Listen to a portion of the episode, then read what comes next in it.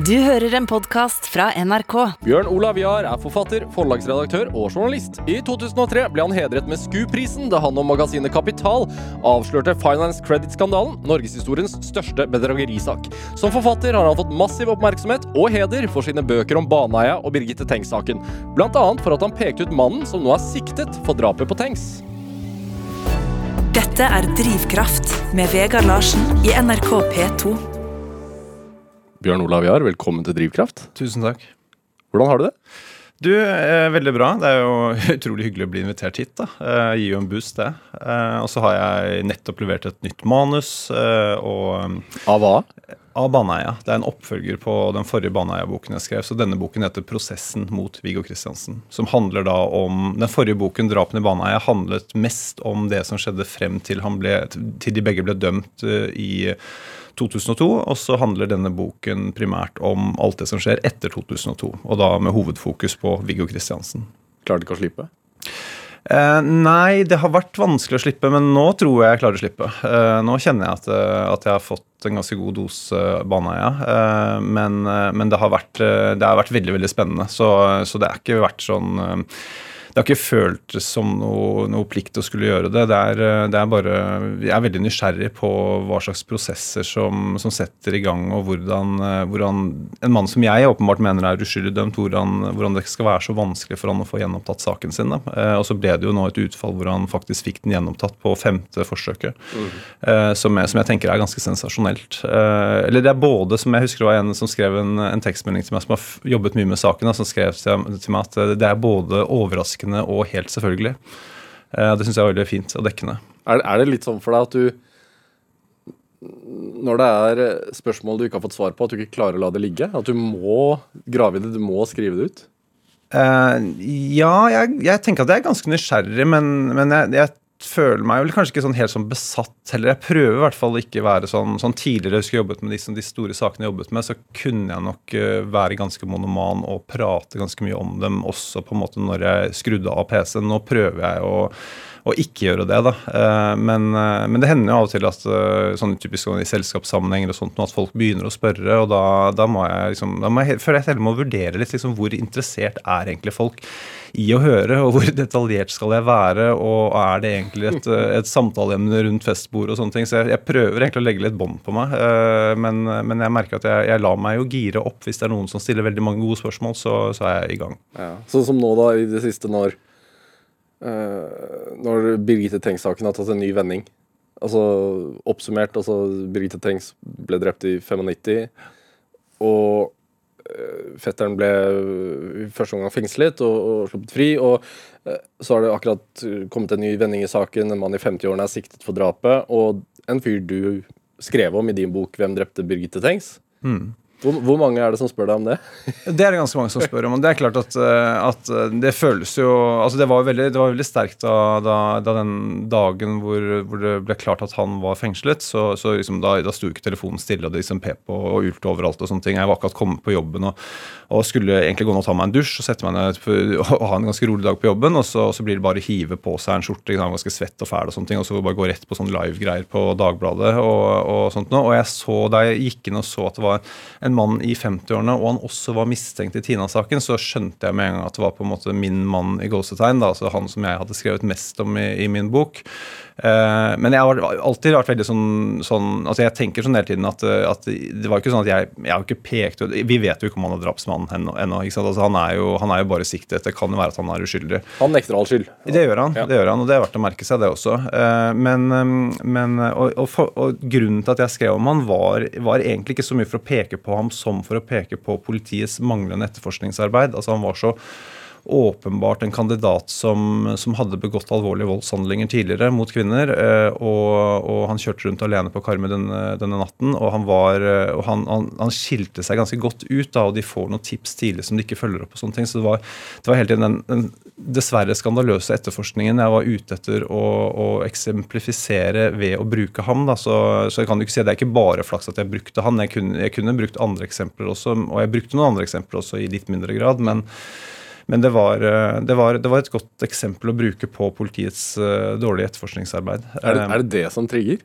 Nei, det som, det som trigget mest når det gjaldt Birgitte Tengs-saken, var uten tvil den, den, den kan du si det, litt sånn oppgittheten jeg kjente over at man, eh, at man kunne dømme en mann som helt åpenbart var uskyldig, altså fetteren til Birgitte Tengs. Eh, og hvordan man i etterkant, når han ble frifunnet for det, denne tilståelsen som han kom med, den, den, er vel I dag så er man vel eh, Så tror jeg alle er Det er ganske opplest og vedtatt at den var falsk, da. Altså, skole, skoleeksempel nesten på hvordan man ikke skal gjøre et avhør, er det ikke det? Jo, det var det. Og det var, det var, det var sånn jeg kom inn i saken. For dette, dette syns jeg er superfascinerende. Jeg husker det var den, den kvelden jeg vant SKUP-prisen for Finance Credit i 2003, så holdt uh, Asbjørn Rachlew, som er Norges fremste ekspert på avhør, han holdt et foredrag uh, tidligere på dagen om politiets avhørsmetoder. Uh, og, da kjente jeg jo på Han snakket om hvor tilståelsesorienterte de var, og hvordan, hvordan han var hele tiden opptatt av å få, hvordan de var opptatt av å få bekreftet hypotesen de hadde. Mm så kjente jeg jo liksom på den skammen av oi, sånn har jo jeg også holdt på litt, da. Uh, I Kapital. Uh, da jeg intervjuet en del folk og sånne ting som jeg hadde en klar formening om hadde gjort noe galt. Hvordan er den, hvordan er den metoden?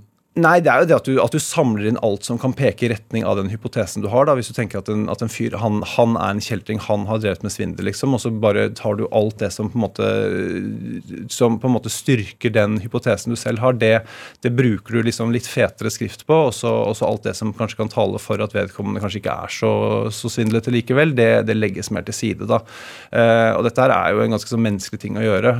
Um, men, men, i politiets tilfelle så blir det jo enda mer alvorlig. ikke sant? Og sånn som, sånn som uh, han jo da også sa, at i verste fall så kan, vi få, kan folk komme til å tilstå falskt. Og, og, den aller verste formen for falsk tilståelse er jo når, når noen begynner å tvile på sin egen hukommelse. Uh, altså de, de, husker ingenting, uh, de, de, tror ikke selv at de har gjort det, men etter hvert så blir de overbevist om politiets teori. Og, og dette da jeg begynte i magasinet Dagbladet 2005, så ville jeg skrive en hovedsak om falske tilståelser. Og det var litt fint at jeg fikk gjøre det. da, at det var liksom For det var, På den tiden så var det kanskje litt mer sånn sært fenomen. at Det var ikke så, så oppe i dagen som det er i dag.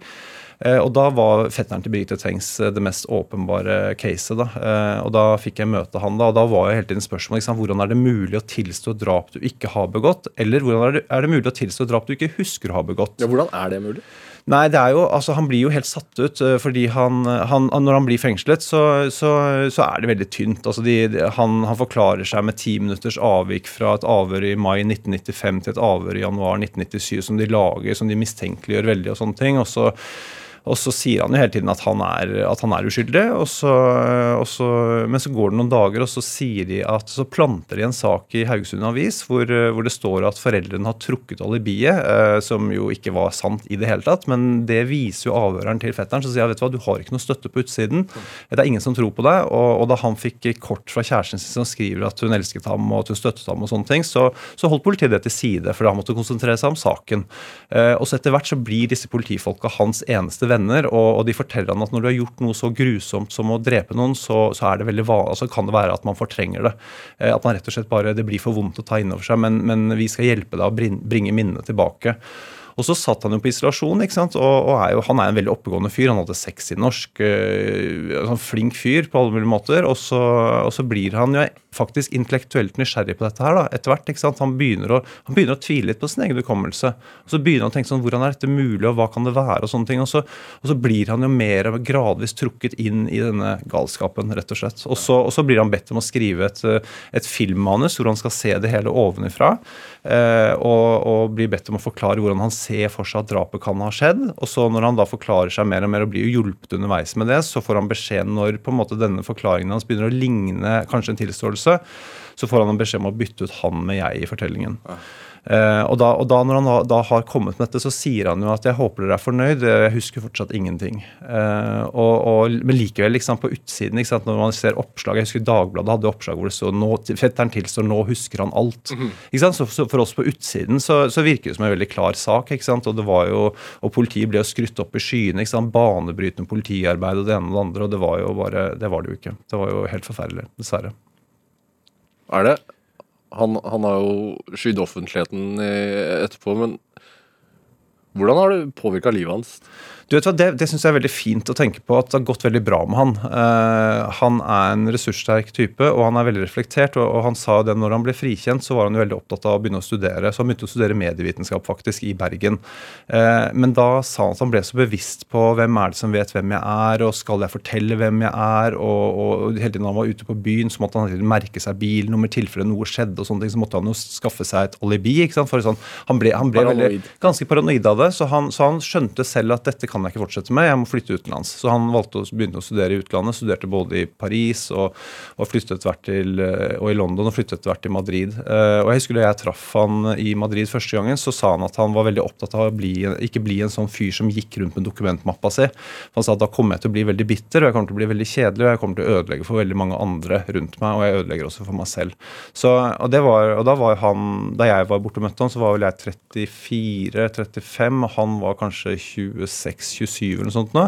Så, så liksom voldsomt reflektert, da, syns ja. jeg. Uh, og samtidig som, som, det som er litt sånn trist å tenke på, er jo at han, han var jo en veldig sånn morsom type som, som var liksom litt sånn midtpunkt i gjengen og sånne ting. Og jeg tror, den, jeg tror noe av den der livligheten tror jeg forsvant litt, for jeg tror livet hans ble jo veldig alvorlig.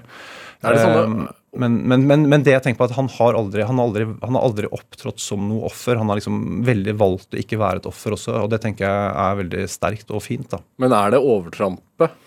Uh fra en autoritet mot enkeltindividet, er det det som trigger deg? Ja, det var det. Absolutt. Den saken her så var det hele veien. Og det var jeg veldig tydelig på da jeg skrev forordet mitt også. Så jeg husker, jeg husker redaktøren min sa det også. At han sier at du er overbevist om at fetteren er uskyldig. Så sier jeg at ja, det er jeg basert på dokumentene i saken. Altså Det er ingenting som peker i hans retning. Og når jeg så politimannen som avhørte ham, hadde jo skrevet dagbok som jo klart viste hvordan denne manipulasjonen hadde foregått. Eh, så, sa jeg at, eh, så var han veldig tydelig på men da må du bare skrive det. Og det gjorde jeg også i forordet. For jeg tenker at det er veldig greit at leseren også vet hva jeg mener. For da jeg ga ut boken min i 2015, så var det så var det vel jo nær, altså det var vel fortsatt mange som trodde det var fetteren. Eh, altså for, Folk er jo relativt systemtro. Man vil jo gjerne at, eh, at systemet skal fungere, eh, og at vi ikke skal få justismord. Det er jo det, er, det, er det verste som kan skje. Eh, så det har vært mye mer viktigere for meg hele tiden å bidra til å renvaske Birgittes fetter enn, enn noen gang å peke ut eller være med på å ta Birgittes drapsmann. Eh, du kan si da han eh, Jeg visste jo at jeg hadde fått signaler om at de kom til å komme med noen no, komme en utvikling i saken som var til fordel for Birgitte Svetter. Eh, og da tenkte jeg jo hele tiden at nå har, de, nå har, de, funnet noe som gjør at han kan sjekkes totalt ut av saken. Og det er jo tilfellet også. ikke sant? For dette, det som er funnet nå, er jo de har funnet noen blodspor på strømpebuksen til Birgitte som de mener helt åpenbart er relatert til drapshandlingen. Mm. Eh, og, det, og det DNA-et som de har funnet fra det peker jo absolutt ikke i retning av Birgitte Swetter, og dermed så har man et utelukkelsesbevis. Ikke at han trenger det, men, men, men, det er på en måte den endelige renvaskelsen, tenker jeg. da. Og så kommer jo på en måte sånn, en slags bonus i tillegg ved at det faktisk er en som blir siktet, at man finner, finner en man tror er gjerningsmannen. Men er du Det må være spennende å være, altså, vær, litt sånn hobbydetektiv. da, Prøve å løse mysteriet, eller møse, løse drapsgåten. Det er veldig spennende. og det husker jeg, Vi, vi lagde jo en TV-dokumentarserie et par år i etterkant. og da, mm. var, da, hadde vi jo på en måte skissert litt liksom, hvem, hvem, hvem kan hvem ha drept henne. ikke sant? Ja. Og, og, men så merket vi jo ganske fort, ikke sant? og det var jo TV 2 også ganske opptatt av, at vi kunne jo ikke begynne å jage fire-fem forskjellige menn rundt på Karmøy for å, i tilfelle han var drapsmannen. da, fordi eh, Hvis du treffer på én, det er jo bra, det kan du si, men det er jo veldig kjipt for de fire andre du bommer på. Da ja, da, er man... da er man jo hengt ut som, ja. som, en, som, en, mulig drapsmann, og det er, noe, det er, ikke noe, hyggelig å få på seg. Så, så, da må det jo hele tiden, og det har jeg tenkt hele tiden, at alt må på en måte relateres inn mot politietterforskningen. Hva er det, hva er det dette symboliserer? ikke sant? Så, sånn typisk sånn som han er siktet, han som er siktet i dag. han han, det som jeg syns var veldig interessant, var at han f.eks. Han har jobbet like ved, ved åstedet, ikke så noen kilometer unna åstedet. Og den naturlige veien å kjøre frem og tilbake er forbi åstedet. Eh, og når han forklarer seg avhør, så sier han at han kjørte en omvei på 6 kilometer til og 6 kilometer tilbake hver dag. Eh, og det tenker jeg sånn Det tror jeg ikke på. Eh, og det, det, det syns jeg er veldig rart at politiet altså Jeg merker at politiet borer litt i det, men de slipper det ganske lett. da, og, og det er, Men det som er utrolig, er at de har jo Til slutt så sitter du igjen med denne mannen og Birgitte Svetter, og så, og så, bare legger de han bort, og så går de for Birgitte Svetter. Ja. Hvor... Det er helt, helt, horribelt. Det er helt, det, altså, Birgitte Svetter hadde ikke bare hadde han ingenting med det å gjøre, men han var en, en streit ordentlig fyr. Men jeg tror det handler mye mer om at man tenker at eh, ok, det er, det er gjerne nærstående som står bak. da, Det er jo en sånn statistisk sett, ikke sant, så er det ofte, kan det ofte, men, men hvor ofte er det en fetter står bak, liksom? Det tror jeg ikke er sånn statistisk sett så veldig ofte.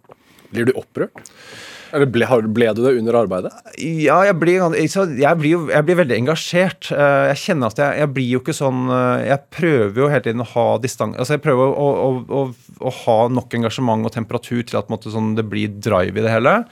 Og så tenker jeg så må jeg hele tiden passe på å ha nok avstand, sånn at jeg på en måte, sånn at jeg hele tiden tenker ok, det er, ikke, det er faktisk ikke min datter som er død. Jeg, må, jeg kan ikke gå inn i en sorgprosess for at Birgitte Tengs er død. Det er jo, det er fælt at hun er det, men, men det vil være nesten litt respektløst overfor de som faktisk kjente henne, og som har den sorgen. Uh, og, og jeg husker jeg spurte en Kripos-etterforsker om eh, om er det noe gærent med meg, fordi jeg kan sitte og se på de bildene av henne og studere de og gjøre analyser av det. Eh, og så, for eksempel, er jeg helt sånn følelsesmessig avstumpa som kan gjøre det. Og da sa han at eh, heldigvis så sa han at nei, det er du ikke.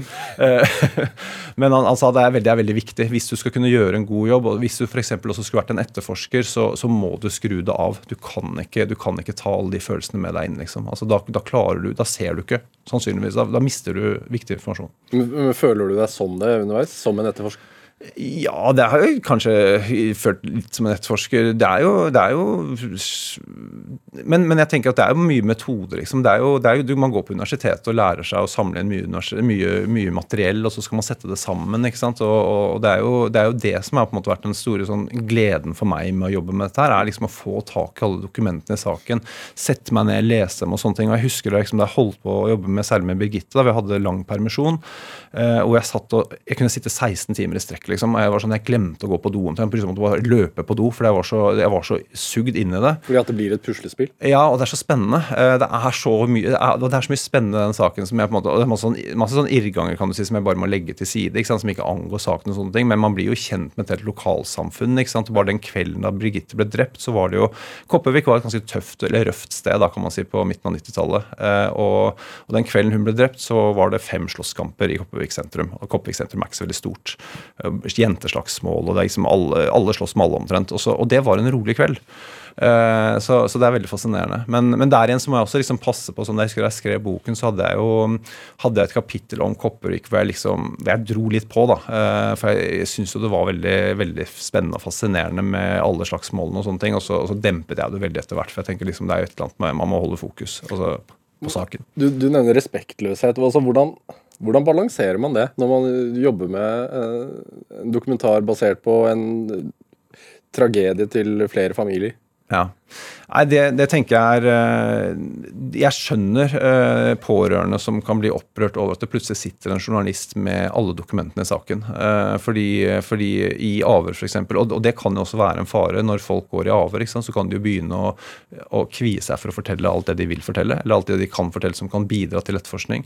Fordi det skal sitte noen senere og Lage bok om det. Ja, ikke sant. Ja. Så, men, men jeg har vært veldig opptatt av, sånn som med Birgitte f.eks., så, så liksom jeg, jeg skriver at jeg ønsker å tegne et vakkert bilde av Birgitte, og det gjør jeg også. og Hun var en veldig fascinerende jente, og hun hadde liksom masse ved seg. Eh, så, så jeg, med, og det har jeg også liksom fått respons fra folk som har gått i klasse med henne senere. Sånn, de syns det, de det er veldig fint det jeg skriver om henne, og det er, veldig, det er fint å høre. Samtidig som selvfølgelig når man sitter med utdrag av dagboksnotater fra en 17 år gammel jente. og sånne ting, Man føler seg jo litt som en kikker også. ikke sant? Eh, og først og fremst så er det jo så, så ville jo det man kanskje burde begrense til, er nesten egentlig bare å skrive om det som kan være relatert til saken. Og det som er veldig, og det som er veldig relevant når det gjelder Birgitte, eksempel, er at hun haiket masse. Eh, mens når man ser dette bildet av henne som er veldig ikonisk, ikke sant? dette bildet av en, en jente i bunad eh, så, Og det snakket jeg med en i, en i, i Kripos om, som sa det at det kan være et problem. fordi plutselig så ser bare folk den jenta i bunad. Og så er man ute etter folk som kan ha tips om en jente som har haiket. Eh, og så ser man ikke fortsatt den jenta i bunad, hun kan ikke haike. Eh, mens Birgitte hun haiket jo hele tiden. Det var veldig, veldig fryktløs, ikke sant. Eh, ja. Er det Hvor sikker Altså, nå er, nå er det jo denne 50-åringen sikta. Tar du noen stilling til liksom skyldspørsmålet nå? Er du, tror du at han er den skyldige? Er du, kan, er du redd for å si det? Nei, jeg er ikke redd for det. Men jeg er, mye, jeg er alltid mye mer redd for å si at noen er skyldige, enn å si at noen er uskyldige. Mm. Sånn som jeg har blitt spurt liksom, hvordan kan du være så skråsikker på Viggo Kristiansens uskyld, og så sier jeg om det er bevisene som tilsier at jeg, altså, han har et mobilbevis som viser at han ikke har vært på åstedet.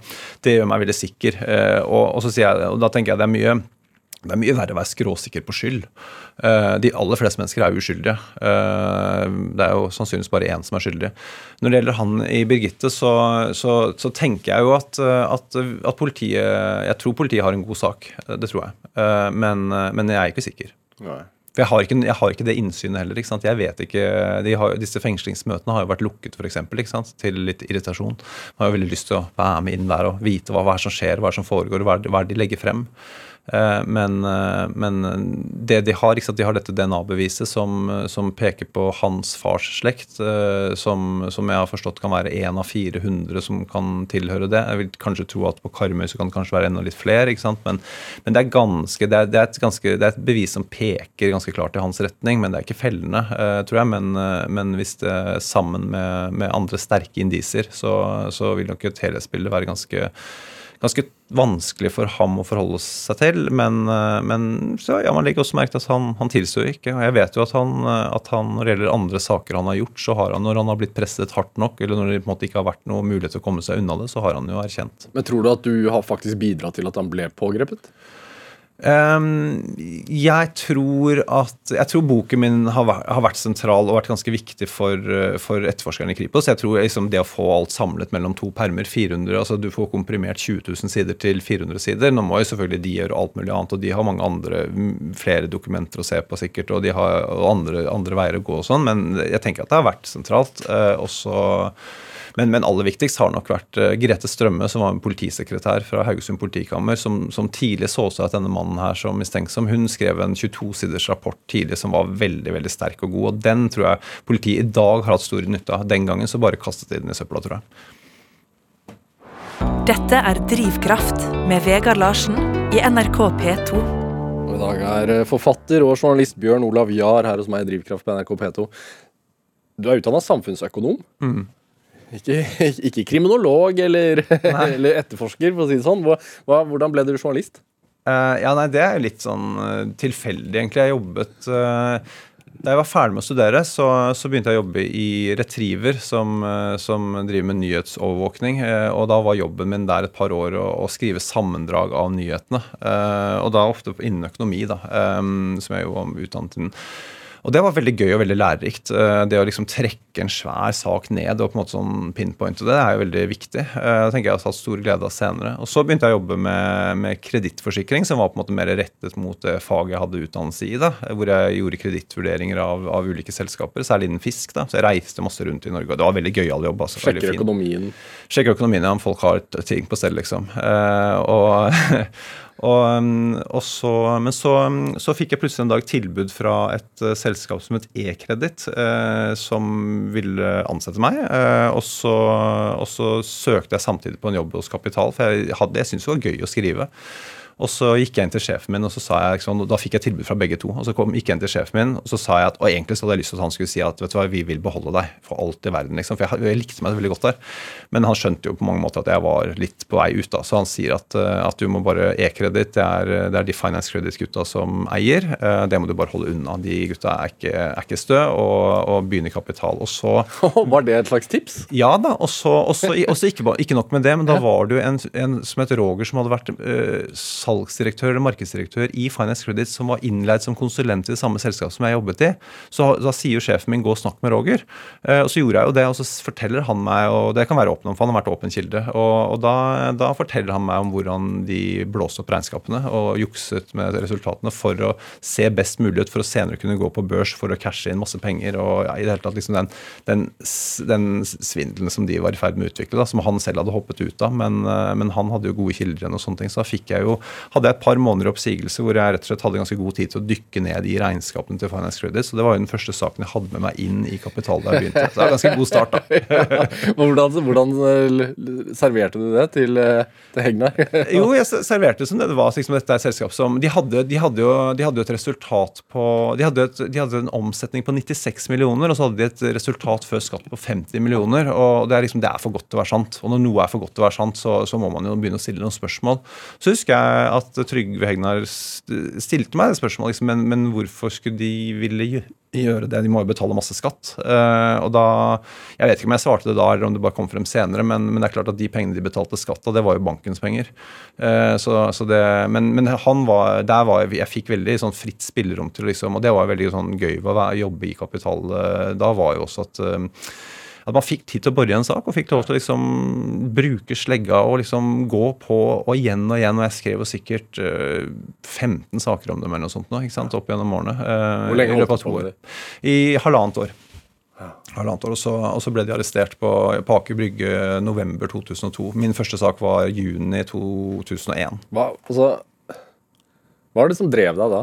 Hva, Var det da jeg synes det, var, altså, det, var, det, var, litt som, som det samme som liksom det å få tak i alle regnskap. For vi hadde masse selskaper. ikke sant, så masse regnskap, Det å få tak i alle regnskapene og begynne å sette det sammen og sånne ting. Og, og, um, og alt er off, altså Man kan ja, var, søke innsyn. Mm, ja, ja mm, så det var, Og det var jo veldig sånn, um, eh, sånn kort fortalt. det som, det som, det endte opp med, var jo at Finance Credit hadde i balansen sin så hadde de 600 millioner kundefordringer. Altså 600 millioner kroner som noen skyldte dem. da. Eh, når man gikk inn og så på det, reelt sett så var det to millioner. Så det var 598 millioner som var blåst opp. da. Eh, og, og, jeg fikk jo tidlig tips om et selskap som hadde solgt uh, sånne ubrukelige førstehjelpsputer på folk som ikke ville ha dem, altså sånn telemarketinggreier og sånne ting, og, så, og, som, og som, som, ikke fikk pengene sine av disse kundene de hadde solgt til. Eh, og da, da, kjøpte Finance Credit alt det, alt det utstående de hadde for 30 millioner, og førte det inn i regnskapene, og masse pluss i regnskapet og full pakke. ikke sant? Og så fikk jeg tak i regnskap som viser at de egentlig har et potensielt eh, tap, eller et helt åpenbart tap som lå der på 40 millioner kroner. Så da, da bare forsvant dette overskuddet jeg snakket om på 50 ja. millioner, forsvant jo bare på det ene selskapet. Og, og, det var jo ikke det eneste. Det var jo flere selskap. Men når du da eh, oppdager liksom omfanget, ja. og, du sitter i Kapitals redaksjon og du merker at ok, dette her er ikke bare den ene saken, dette er svært. Mm. Hvor, hvor, liksom, hvordan, altså, hvordan skjuler man det for de andre journalistene? Altså, hvordan, det var veldig lett. hvordan begynner man å tenke? Altså, sånn, ja. Ja, nei, Det var veldig lett, for det var ikke alle som uh, altså, sånn, Kapital er på en måte litt sånn en øy der ute også, liksom. Så det er ikke liksom, alltid det gode selskap blant journalistene. Uh, Dagens Næringsliv begynte å skrive litt grann om Finance Credit rett før det smalt, men, men det var egentlig sånn uh, litt sånn løp og, løp og kjøp aksjer også-artikkel, liksom. Så det var jo ikke noe sånn Så med en gang det smalt, så husker jeg de skrev en eller annen sånn der at Kapital og Dagens Næringsliv har skrevet om, og så, og så endret de det ganske raskt til Kapital. For det, de skjønte liksom, det, det, hadde ikke de vært så veldig mye med på. Ja. Uh, men uh, nei, så det var ikke noe problem å få gjøre det alene. Altså. Det var, uh, det var tvert imot det var ingen som brydde seg før det smalt. Um, så det var, men Er det litt sånn lite fokus på økonomisk kriminalitet blant journalister? Ja, det er ikke, ikke så, det er ikke sånn journalistenes sterkeste side, tror jeg. Sånn, det er jo noen som er flinke på det det, selvfølgelig, men, men, det er ikke noe sånn. Men Dagens Næringsliv er selvfølgelig har gjort veldig mye bra arbeid, og Finansavisen også. ikke sant? Og, og jo, Kapital også har jo hatt mange bra saker. Uh, så, men det er jo en nisje, da, kan du si, sånn, som kanskje kunne vært litt mer omskrevet. Ja. ja. Men det er en brakdebut, da. Du tar med deg dette her mm. inn, i, inn, i, Kapital, og, og, to år etterpå, eller tre år etterpå så vinner du SKU-prisen for det. Ja. Som, skuprisen er jo ja, mest, altså, høy, mest høytrengende journalistprisen i landet. Ja, ja. Var, og jeg tenkte på sånn i etterkant så var det helt sånn eh, Den kvelden da jeg vant skuprisen, det var jo, eh, det var jo Eh, jeg husker jeg satt, det, var, det er mange, for, mange som får, det var fire-fem diplomer da, eh, for også veldig gode saker. og Det var kjempe, det var veldig bra felt. Det var jo supre de sakene som vant diplomer. Men da husker jeg at diplomene var lest opp, så tenkte jeg ok, da er jo prisen min. det er jo liksom, Jeg var helt sikker. Og jeg tenkte sånn etterkant at shit, hva om det ikke hadde blitt det, liksom? Det hadde vært liksom, det hadde vært, Jeg hadde følt det som tidenes ran. da. Ja. Hva, hva det, eh, men betyr det noe? Altså Har det noe å si? Ja, det har betydd masse. Det har det. Jeg husker da jeg skulle være med på, på utformingen av, eller sånn planleggingen av Memo, som var et sånn Dagbladet-magasin som ikke varte så altfor lenge, så, så, husker jeg Jon Olav, Jon Olav Egeland, som hadde vært redaktør i Dagbladet, jeg spurte han om For de innkalte meg til møte, og så sa jeg skal jeg ta med meg CV-en min, og så sa han du har vunnet SKUP-prisen, har du ikke det? uh, så da, da, Ok, jo, jeg har jo det. Så det, da var, trengte jeg ikke det. så det var jo Det er klart det var en, det var en døråpner. Så var det. Hvor selvsikker blir man etter noe sånt? Um, jo, ganske. Uh, det, det, er klart at det er en boost for selvtilliten. Men, det er, det er, men det, er veldig, sånn, det er veldig interessant fordi, fordi, jeg var i Egypt da det skjedde. Uh, og, så, og, så, kom jeg hjem derifra ikke sant? og var superhøy på meg selv. selvfølgelig Og sånne ting, og så, så, skulle jeg lage en eller annen sak hvor jeg skulle intervjue en eller annen Aftenposten-redaktør. eller noe sånt nå. Ja. Og da var jeg skikkelig dårlig forberedt, for jeg hadde bare opptatt av, av finance credit. Ikke helt unaturlig, selvfølgelig. Eh, og da ringte jeg han, og så, sa, så husker jeg han Aftenposten-redaktøren sa sånn, vet du hva, kanskje du skal ringe tilbake når du er litt bedre forberedt. Det var sånn, Da kom du ned på jorda, altså. Det var sånn, For det, det var helt sant. Var, jeg var skikkelig dårlig forberedt. Stilte dårlige spørsmål, og det var sånn, det er pinlig. Så, så det er veldig sånn viktig å sånn eh, hele tiden ha fokus på liksom Altså, det, er det, er litt, sånn klisjeen om at det er neste fotballkamp som gjelder. liksom. Det blir litt sånn her også. Du må på en måte, kan ikke drive og hvile for lenge, liksom. Men altså, Finance Credit er spesielt fordi du du beholdt jo vennskap med, med flere av de involverte. Ja, ja. Du ja. intervjuet de og, mm. og outet selskapet, ja, men, men, beholdt et vennskap med dem? Ja, vennskap er vel å ta i litt, men, men det var, men det var med en ganske god tone. og det var jo, Jeg fikk jo tilbud fra Cappelen, som bare het Cappelen den gangen, om å skrive en bok sammen med Trond Christoffersen. Den ene av de to som, som ble arrestert, og som fikk ni års fengsel etter hvert. En av grunnleggerne? Ja. ja. Eh, og, og, det sa jeg ja til, og det var litt kontroversielt da jeg sa ja til det. Men det var jo, altså, min åpenbare hunch var først at det var veldig spennende å få vite, få innsikt i hans historie. Og så var det, var det veldig fint å få innsikt i dokumentene i saken. Eh, så da jobbet jo jeg og han frem et manus som, som egentlig ble ganske bra. men så så ville jo han ha et forsvarsskrift uh, i langt større grad enn det både jeg og, og forlaget ønsket. Og da, og da, var vi jo Vi sto jo på kontrakten sammen da, som medforfattere. ikke sant? Og da han trakk seg, så var det jo, da var det jo ferdig. da. da husker jeg, Og da hadde jeg sagt opp jobben min i mellomtiden. Og da husker jeg de sa hos Cappelen, så sa de sånn Nei, men du har vært flink og levert et bra manus, og, men det blir ikke noe av, så lykke til videre. Og da var jeg sånn Å, shit, nå er jeg arbeidsledig. Eh, så det var, eh, det var, litt, eh, det var litt sånn strek i regninga. Men når man holder på med dette, her, så er det jo folk med en viss makt man skriver om. Er, er, man, er du redd da? Um, nei, jeg husker, jeg husker, han Trond Christoffersen som jeg jo nevnte, han sa til meg ganske tidlig da jeg skrev liksom den første ordentlig kritiske artikkelen om Finance Credit, så skrev han til meg, så sa han til meg sånn Vi hadde møtt han og sånne ting, og snakket med han, og hatt et hyggelig møte med han, og så sier han sånn ja, hvordan går det med deg? Og, så sa han hvordan, går det med barna dine? Uh, og så, da, sa jeg, da var jeg veldig sånn jo, det går bra med de, går det bra med dine? Uh, og det har jeg tenkt på etterkant at liksom var det, det, Var det en trussel? Følte du at det var Jeg har tenkt på i etterkant at kanskje det var Kanskje det var liksom for å føle seg litt sånn på Men så enten så må man jo ha tenkt at jeg var klin gæren, eller at jeg var stokk dum. For det, i og med at jeg kontret sånn, og det gjorde jeg bare sånn. altså Det, det er jo bare på instinktet. Uh, så kom det svaret. Uh, og det tror jeg var veldig smart, for det, det, var liksom ikke noe mer spørsmål om det etterkant. Det kan jo også bare vært for å være hyggelig. Absolutt. Absolutt. Men ja, helt klart. Bjørn Olav, ja, vi skal spille litt musikk. Ja. Du har med en The Cure-låt. Ja, ja, det har jeg. Uh, du, du, sa litt på forhånd at det er vanskelig å velge musikk. Man blir litt sånn selvkritisk eller sånn uh, ja. Man blir jo veldig selvbevisst, liksom. Selvbevisst, altså, må, nå skal jeg spille en låt som, som folk forhåpentligvis syns er kul, osv. Altså, altså, men Cure er jo min favorittgruppe. Jeg har liksom vært det fra jeg var 18 år eller noe sånt nå, og jeg har vært på masse konserter med dem. og jeg husker Sist konsertet var på Øya hvor da Robert Smith, eh, frontmannen, kommer inn på scenen. Det ser ut som han har landet fra en eller annen planet. Eh, og så bare setter i gang og spiller, og så er det bare helt magisk. Det er sånn fantastisk. Jeg elsker den gruppa. Men Har du hatt en sånn sminkeperiode og sånn? Ja, lite grann. Uh, sånn, på konserter og sånn så var det sukkervann i håret. Og, altså, dere brukte eyeliner en periode og sånne ting. Da. Så ja, det var, det var litt sånn Ja. Ikke så lenge.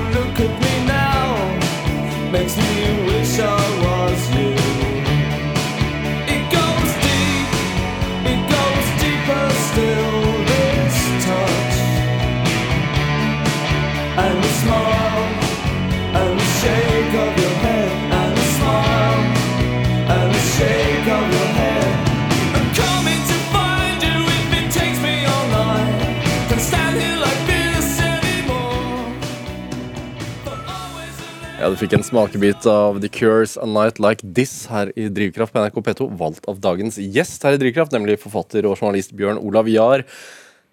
The Cure er litt sånn musikk for uh,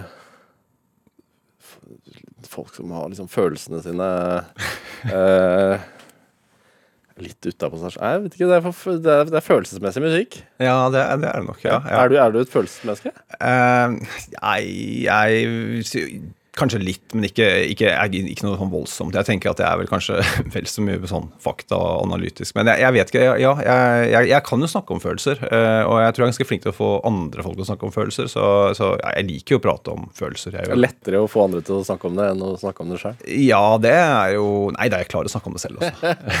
Eh, du er fra Bærum? Ja. Snarøya? Mm. Eh, for folk som ikke er kjent, hva slags sted er Snarøya?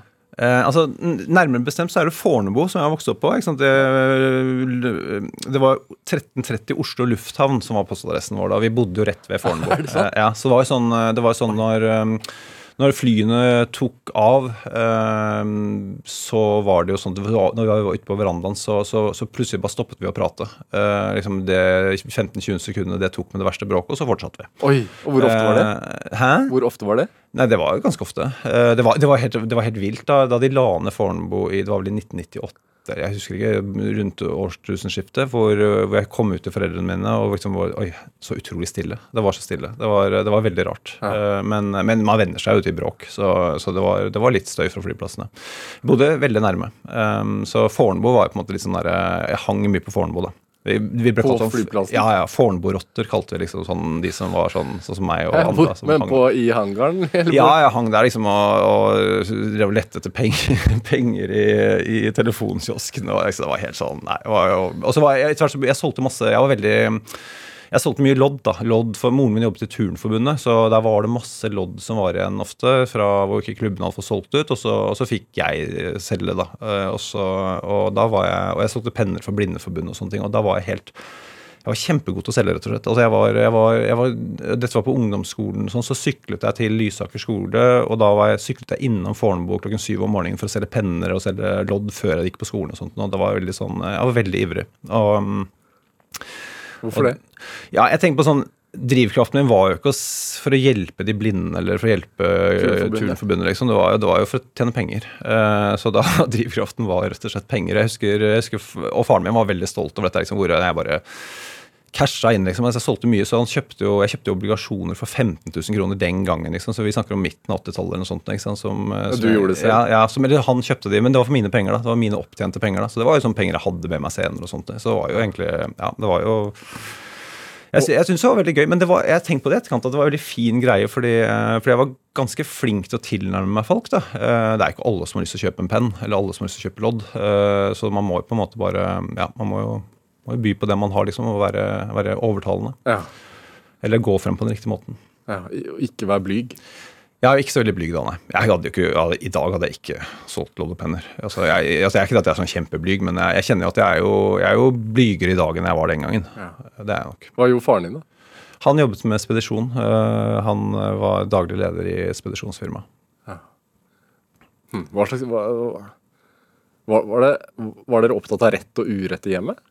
Um, ikke noe sånn at Ja, søsteren min er jurist, eh, så, ja, så, hun, eh, så, hun, eh, så hun heier helt åpenbart det. Ja, ja, ja. Så hun, hun, jobbet jo faktisk i Vikborg og Rein, som jo var de som hadde det store konkursboet etter Finance Credit da, da det smalt. Men, men, faren min har vært sånn Ja, han er ganske sånn det som var så fint med han, husker jeg, sånn som jeg, som jeg beundret veldig da jeg var, var mindre, og sånn, var liksom å se For vi var hjemme hos mormoren og morfaren min, og så hadde de sånn, da hadde de sånn damebord og herrebord. Hvor damene satt og strikket, og, og, mennene satt og diskuterte. Og da var det liksom, da satt faren min der. Da var han sikkert ikke mer enn sånn for Han var 25 da han fikk meg, eller noe sånt nå, og så, og så var det var kanskje jeg var sånn 10, så han var kanskje 35 eller noe sånt nå. Og der satt han med masse gamlinger. da, som, de, Så gamle er de jo ikke, men de var kanskje altså, var I dine øyne var de det? Ja, veldig, å, kjempegamle. ja.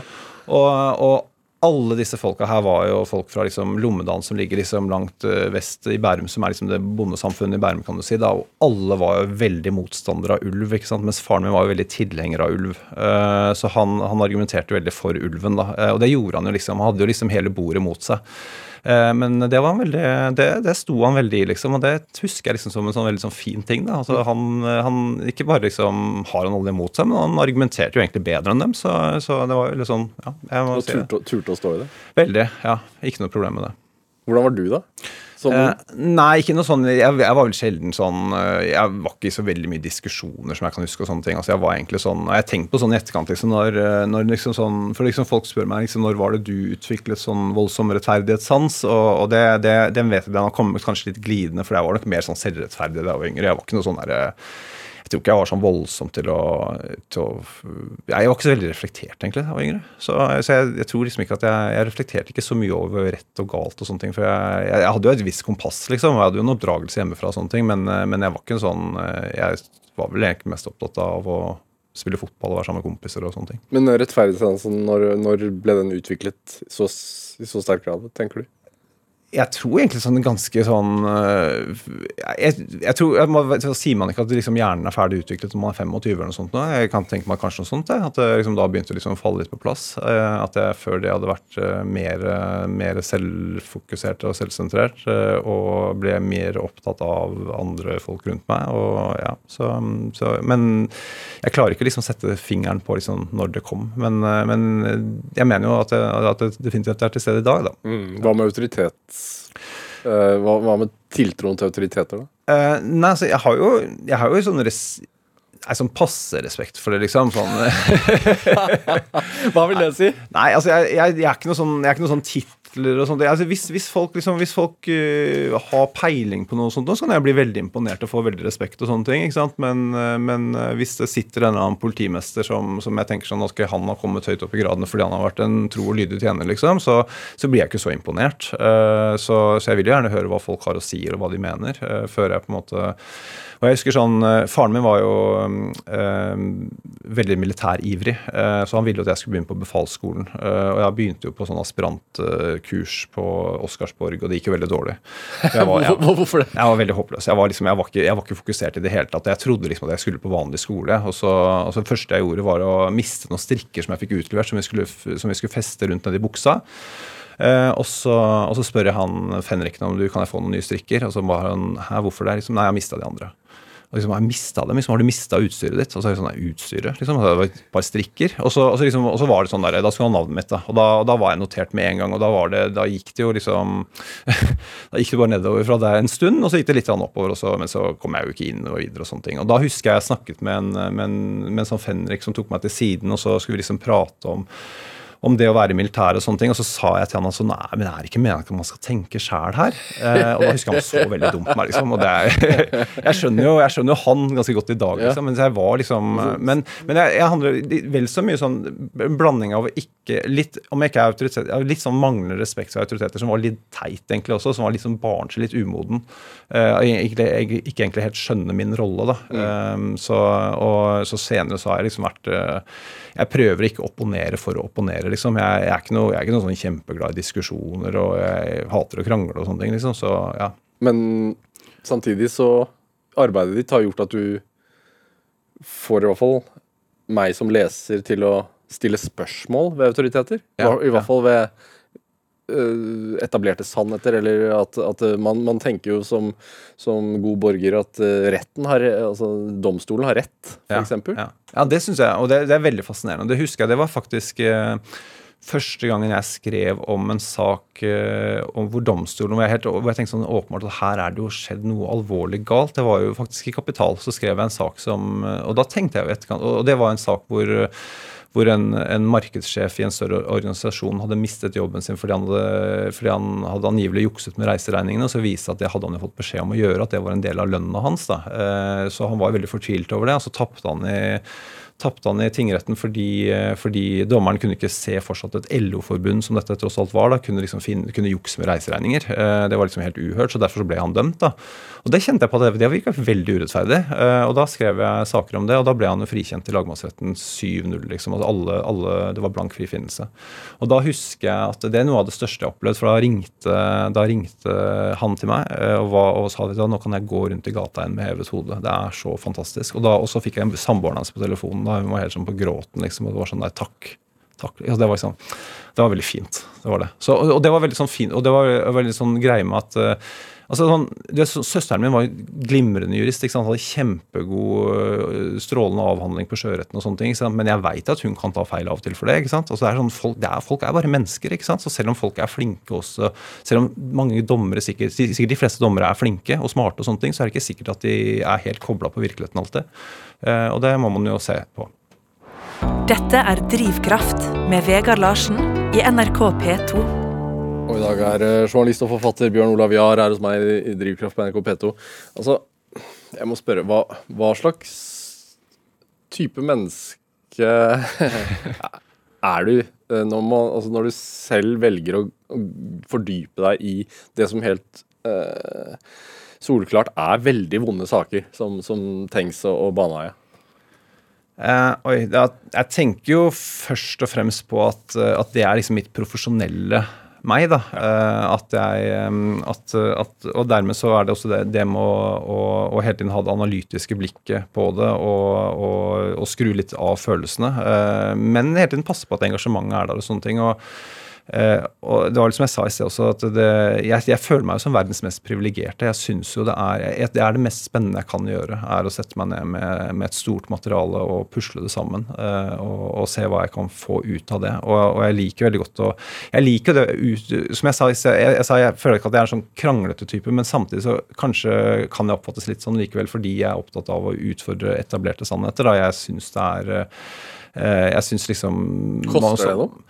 Ja, det kan koste litt av og til. Det, det gjør det. det er, eh, jeg merker liksom på, på, Særlig når det gjelder Baneheia-saken, så har det kostet. Eh, på Birgitte-saken så, så, så, var det nok litt tøffere enn det jeg har tenkt i etterkant. altså Man, man fortrenger jo litt ting, og så blir ting bedre etter hvert. og sånne ting, men, men, da jeg jobbet med Birgitte, så var det veldig fint. for Da husker jeg journalistlaget fra Haugesund de inviterte meg ned et halvt år før boken kom ut, for de ville gjerne snakke med meg på en sånn journalistkonferanse der. Mm.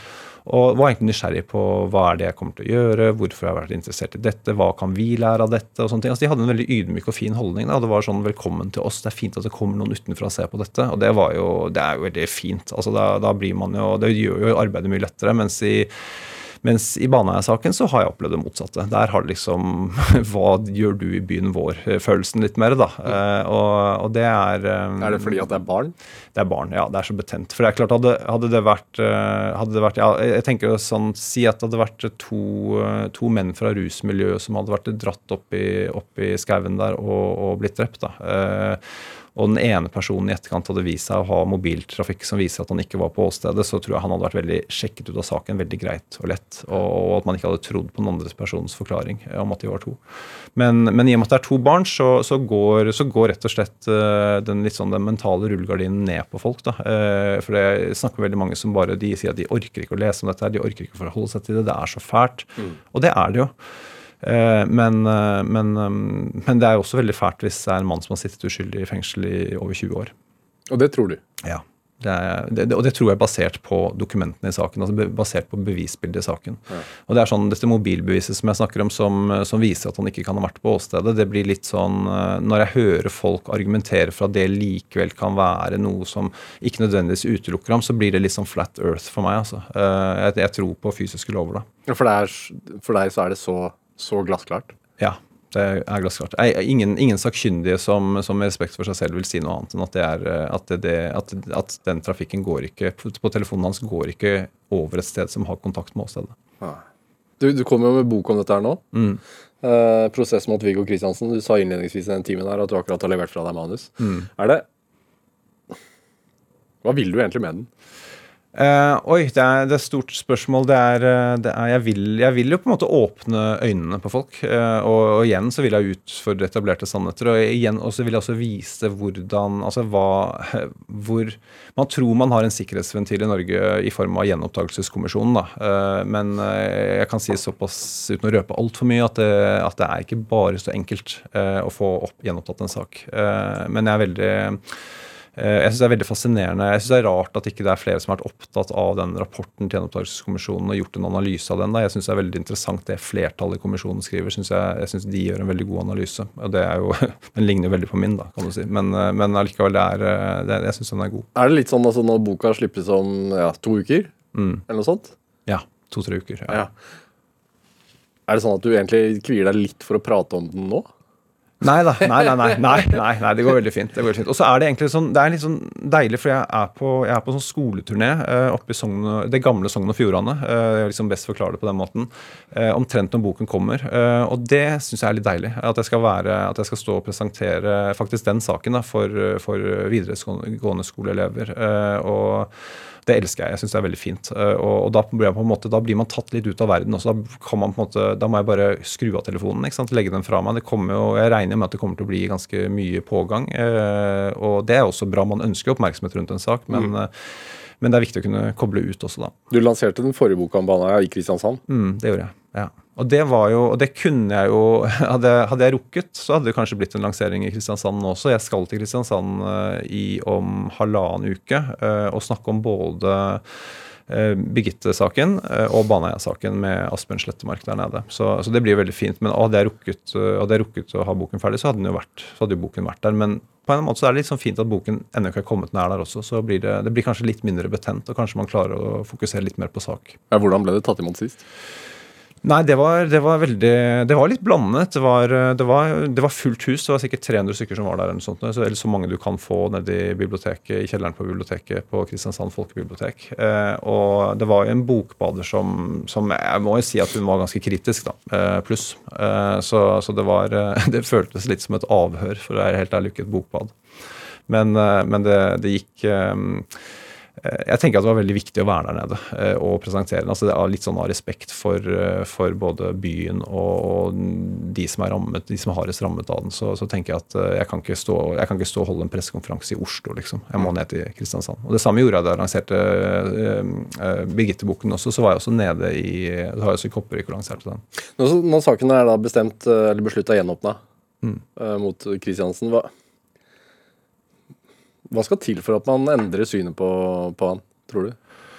Jeg tror jo at uh, hvis blir, hvis statsadvokaten nå til slutt uh, innstiller på en frifinnelse, uh, så, så, Eller om det er Riksadvokaten som gjør det. da det Da tenker jeg det vil, det vil jo snu synet på oss mange. Men jeg, jeg, tror at veldig mange vil jo fortsatt tenke at nei, det var han.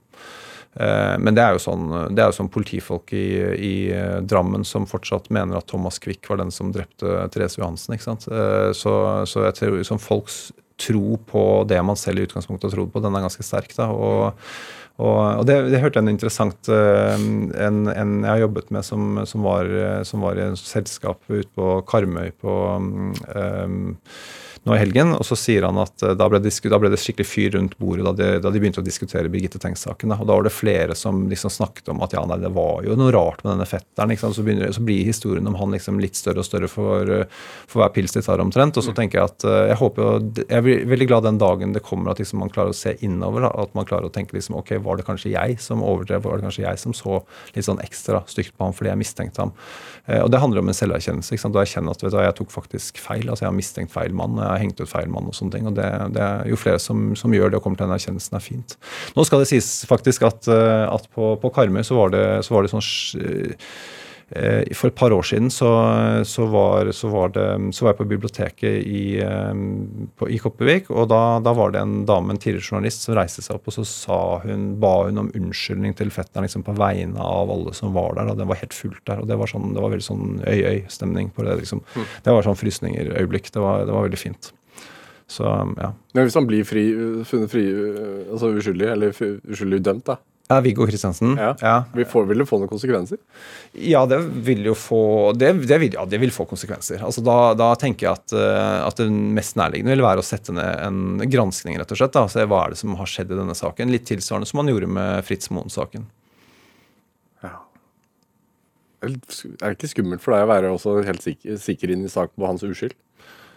Eh, jo, men det er klart sånn, hvis, hvis, eh, hvis plutselig bevisbildet skulle snus, da, eh, og det skulle vise seg at jeg tar feil, da, eh, basert på bevisene, så må jeg jo bare Ok, da må jeg kaste kortene og si at ja, da tok jeg feil. da.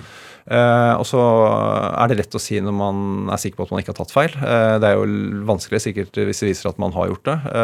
så, så det ville vært en syretest, kan man si. Eh, men jeg prøver jo alltid å, å Og jeg tenker sånn den boken jeg gir ut nå også, ikke sant? hva hvis utfallet skal bli at han igjen blir dømt, liksom? Er den boken fortsatt viktig? Og det, det vil jeg helt åpenbart mene at den er, fordi, fordi den viser jo systemfeilene. Den viser at man kan ikke bare ture frem, og man kan ikke, man kan ikke bløffe om at man har DNA-bevis man ikke har, osv. Altså det er liksom, det, det, må man, det må man slutte med. Hva er neste prosjekt, da? Eh, ja, det er godt Det er, eh, det er Jeg er litt i tenkeboksen. Eh, så, og så, så er det sånn For et par uker siden så tenkte jeg sånn jeg skal, dette skal jeg ikke gjøre igjen, liksom. For det var, sånn, det var så utrolig mye stress. Jeg har brukt hele sommerferien her, liksom. Jeg har nesten ikke vært ute i sola, liksom. Så, fordi det har vært så mye jobbing, da. Ja. Eh, og, men, men har jeg bare tid Blir, det, altså, blir du helt eh, Du bare må? må? Ja, med å bli ferdig. Altså, først, ja, men det handler jo altså, det handler jo om sånn stolthet også. ikke sant? Altså, det, jo, man, det er veldig kjedelig å få en litt sånn dårlig anmeldelse fordi man har slurva med noe. Bjørn Olav Jahr, eh, denne timen går fort. Eh, Helt til slutt her, hva, hva tenker du er drivkraften din? Eh, jeg, oi. uh, jeg tror det er uh, jeg, jeg, tror, jeg, tror liksom, jeg tror alle mennesker har på en måte sånn behov for å lykkes med noe da, og for å, for å prestere noe. Jeg tenker at eh, altså, jeg har funnet liksom min greie. Jeg er god til å prosessere store mengder materiale og få det ut. og sånne ting, Så jeg tenker at liksom, det er en gave. Jeg føler ikke at det er noen plikt, men jeg tenker at det er en gave, og jeg tenker at det er noe jeg må bruke, og jeg, og har veldig stor glede av det. Så, så jeg tror egentlig bare sånn gleden over å gjøre dette arbeidet er egentlig drivkraften min. da. Tusen takk for at du kom hit til Drivkraft. Tusen takk for at jeg fikk komme. Hør eh, flere samtaler i Drivkraft på nrk.no, i NRK-appen, eller last oss ned som podkast. Send oss gjerne ris og ros og tips til mennesker du mener har drivkraft. Send den e-posten til drivkraft, krøllalfa, nrk.no. Vi hører veldig gjerne fra deg. Produsent og researcher i dag var Ellen Foss Sørensen. Jeg heter Vegard Larsen. Du har hørt en podkast fra NRK. De nyeste episodene og alle radiokanalene hører du i appen NRK Radio.